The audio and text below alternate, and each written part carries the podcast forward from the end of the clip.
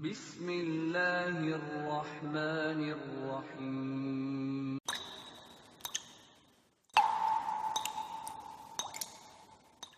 Bismillah. Pak Ustaz, jika hukum jual beli dagang, hukumnya bagaimana? Boleh? Boleh dagang. Kalau tidak boleh, masa Nabi mempraktekkan dagang?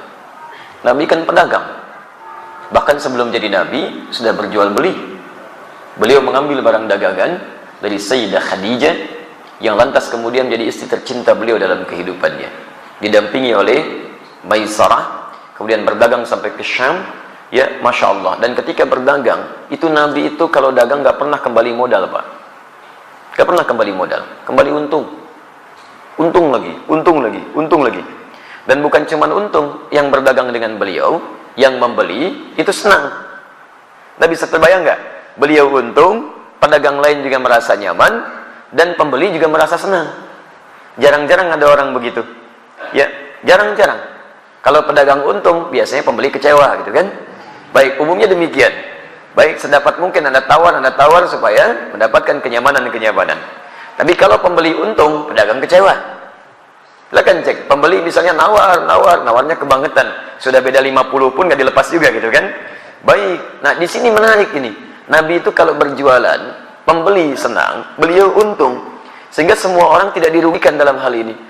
Dan hebatnya nanti konsep dagangnya Nabi Sallallahu Alaihi Wasallam ketika diajarkan pada para sahabat itu masya Allah tidak ada di antara mereka yang juga kembali modal. Semuanya untung.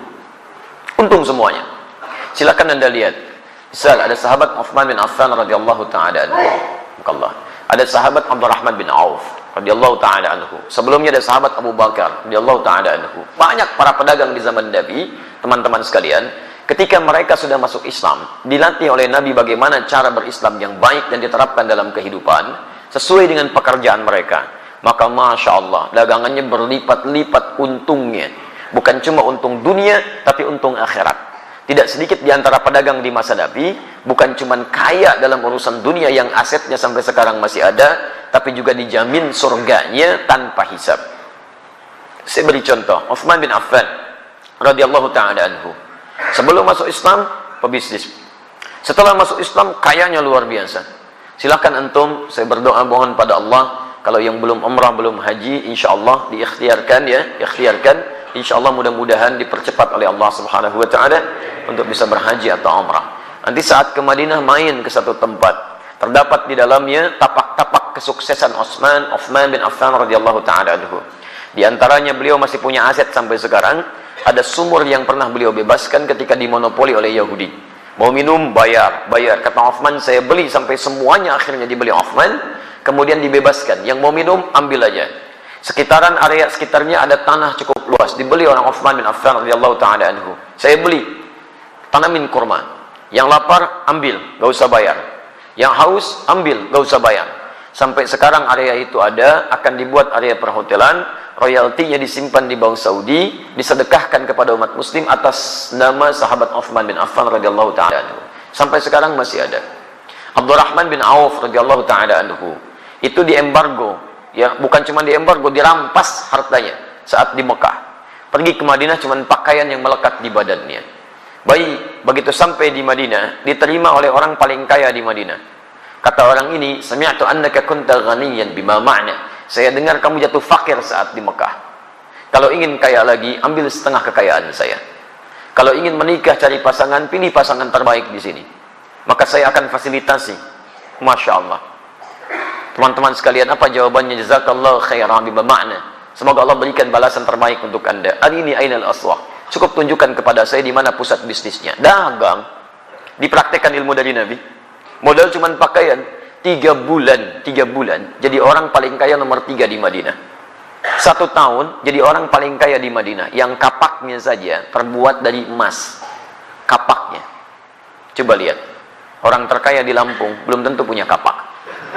Ya. Orang terkaya di dunia, Bill Gates, 1300 triliun hartanya. Tanya, punya kapak gak? SMS tuh pagi ini, tanya ya. Abdurrahman bin Auf setahun kapaknya terbuat dari emas Modalnya apa? Cara bisnis Nabi. Nah cara ini tidak menghalangi mereka untuk ibadah kepada Allah. Kaya dan soleh. Silahkan cek, kita buka kitabnya Imam Al-Nawawi. Imam An-Nawawi punya kitab namanya At-Tibyan fi Adab Hamalatil Quran. Lihat versi Arabnya cetakan Darul Kutub Al-Islamiyah. Warnanya merah marun, halaman 38, paragraf yang pertama, baris satu sampai baris yang kedua paling atas sebelah kanan. Kata Imam An-Nawawi rahimahullah, sahabat Uthman bin Affan, Abdurrahman bin Auf, ada Abu Darda, itu orang-orang ada lagi uh, At-Tamimi, itu orang-orang yang luar biasa. Tamim Ad-Dari, bukan At-Tamimi, Tamim Ad-Dari, yaitu malamnya di antara kesibukan mereka masih bisa menunaikan tahajud sampai khatam Al-Qur'an. Sampai, sampai khatam Al-Qur'an. Jadi pendekatan kepada Allahnya luar biasa. Makanya Allah buka rezeki mereka lebih daripada yang lain. Jadi kalau Anda ingin dapatnya rumus, rumusnya begini. Kalau Anda punya permintaan yang lebih daripada orang lain, maka dekati Allah dengan cara ibadah yang lebih daripada orang lain. Orang lain tidur, Anda bangun. Orang lain sedikit-sedikit tidur, Anda sedikit tidur. Orang lain sedikit-sedikit makan, Anda sedikit makan. Puasa, rajin. Tahajud, rajin. Ikhtiar juga rajin. Nanti dengan ikhtiar itu Allah mudahkan jalan keluar Anda. May yattaqillaha yaj'al lahu makhraja wa yarzuqhu min haitsu la yahtasib. Demikian di Quran surah ke-65 ayat 2 sampai 3. Nah, saya persingkat jawaban untuk pertanyaan Anda di sini. Kalau Anda ingin berubah lebih baik, itu dikumpulkan oleh para imam hadis dalam kitab-kitab hadis. Disebut dengan Kitabul Buyu' bab tentang pembahasan bisnis dari Nabi sallallahu alaihi wasallam. Saran saya, keluarkanlah ayat-ayat Quran yang berbicara tentang cara berdagang, kemudian lihat tafsirannya dari Nabi, buka kitab Imam Al-Bukhari misalnya, buka kitabul buyu' bab tentang bisnis dari Nabi, keluarkan itu, duduk dengan sesama pedagang, jangan sendirian. Jangan ingin menguasai sendirian. Dulu teman-teman Nabi itu saling bersama-sama. Semua kaya. Semua kaya, bahkan kaya banget.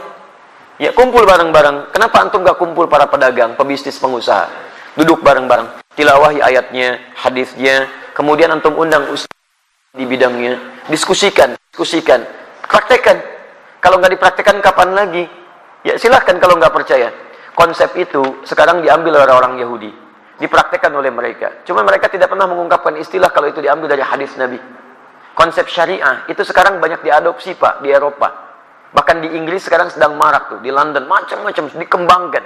Ya, kemudian oleh Yahudi dirubah istilahnya di Ventura. Ventura itu asalnya syariah. Cuman dimodifikasi oleh mereka untuk menampilkan sistem hukum yang kira-kira bisa awet gitu. Syariah sekarang itu luar biasa. Di non-muslim saja sudah mengejar-mengejar konsepnya. Kenapa kita yang punya tidak menerapkan? Paham ya? Baik, sudah saya baca, sudah saya jawab intinya. Ya, di persoalannya barangkali nanti sesuaikan lagi ya. Saya akan punya usaha. Saya beli alat di toko harga barang satu juta. Modal satu alat. Kemudian saya jual 2 juta atau 3 juta. Boleh tidak? Boleh. Antum jual 5 juta juga silahkan kalau laku ya. Baik. Alhamdulillah. Yang penting antara din minkum ada yang ridha satu dengan yang lainnya, kemudian tidak markup, tidak gharar, tidak menipu. Di orang itu wajar menilai, antum beli satu juta, dijual 5 juta. Kalau kaidah boleh, boleh, boleh saja.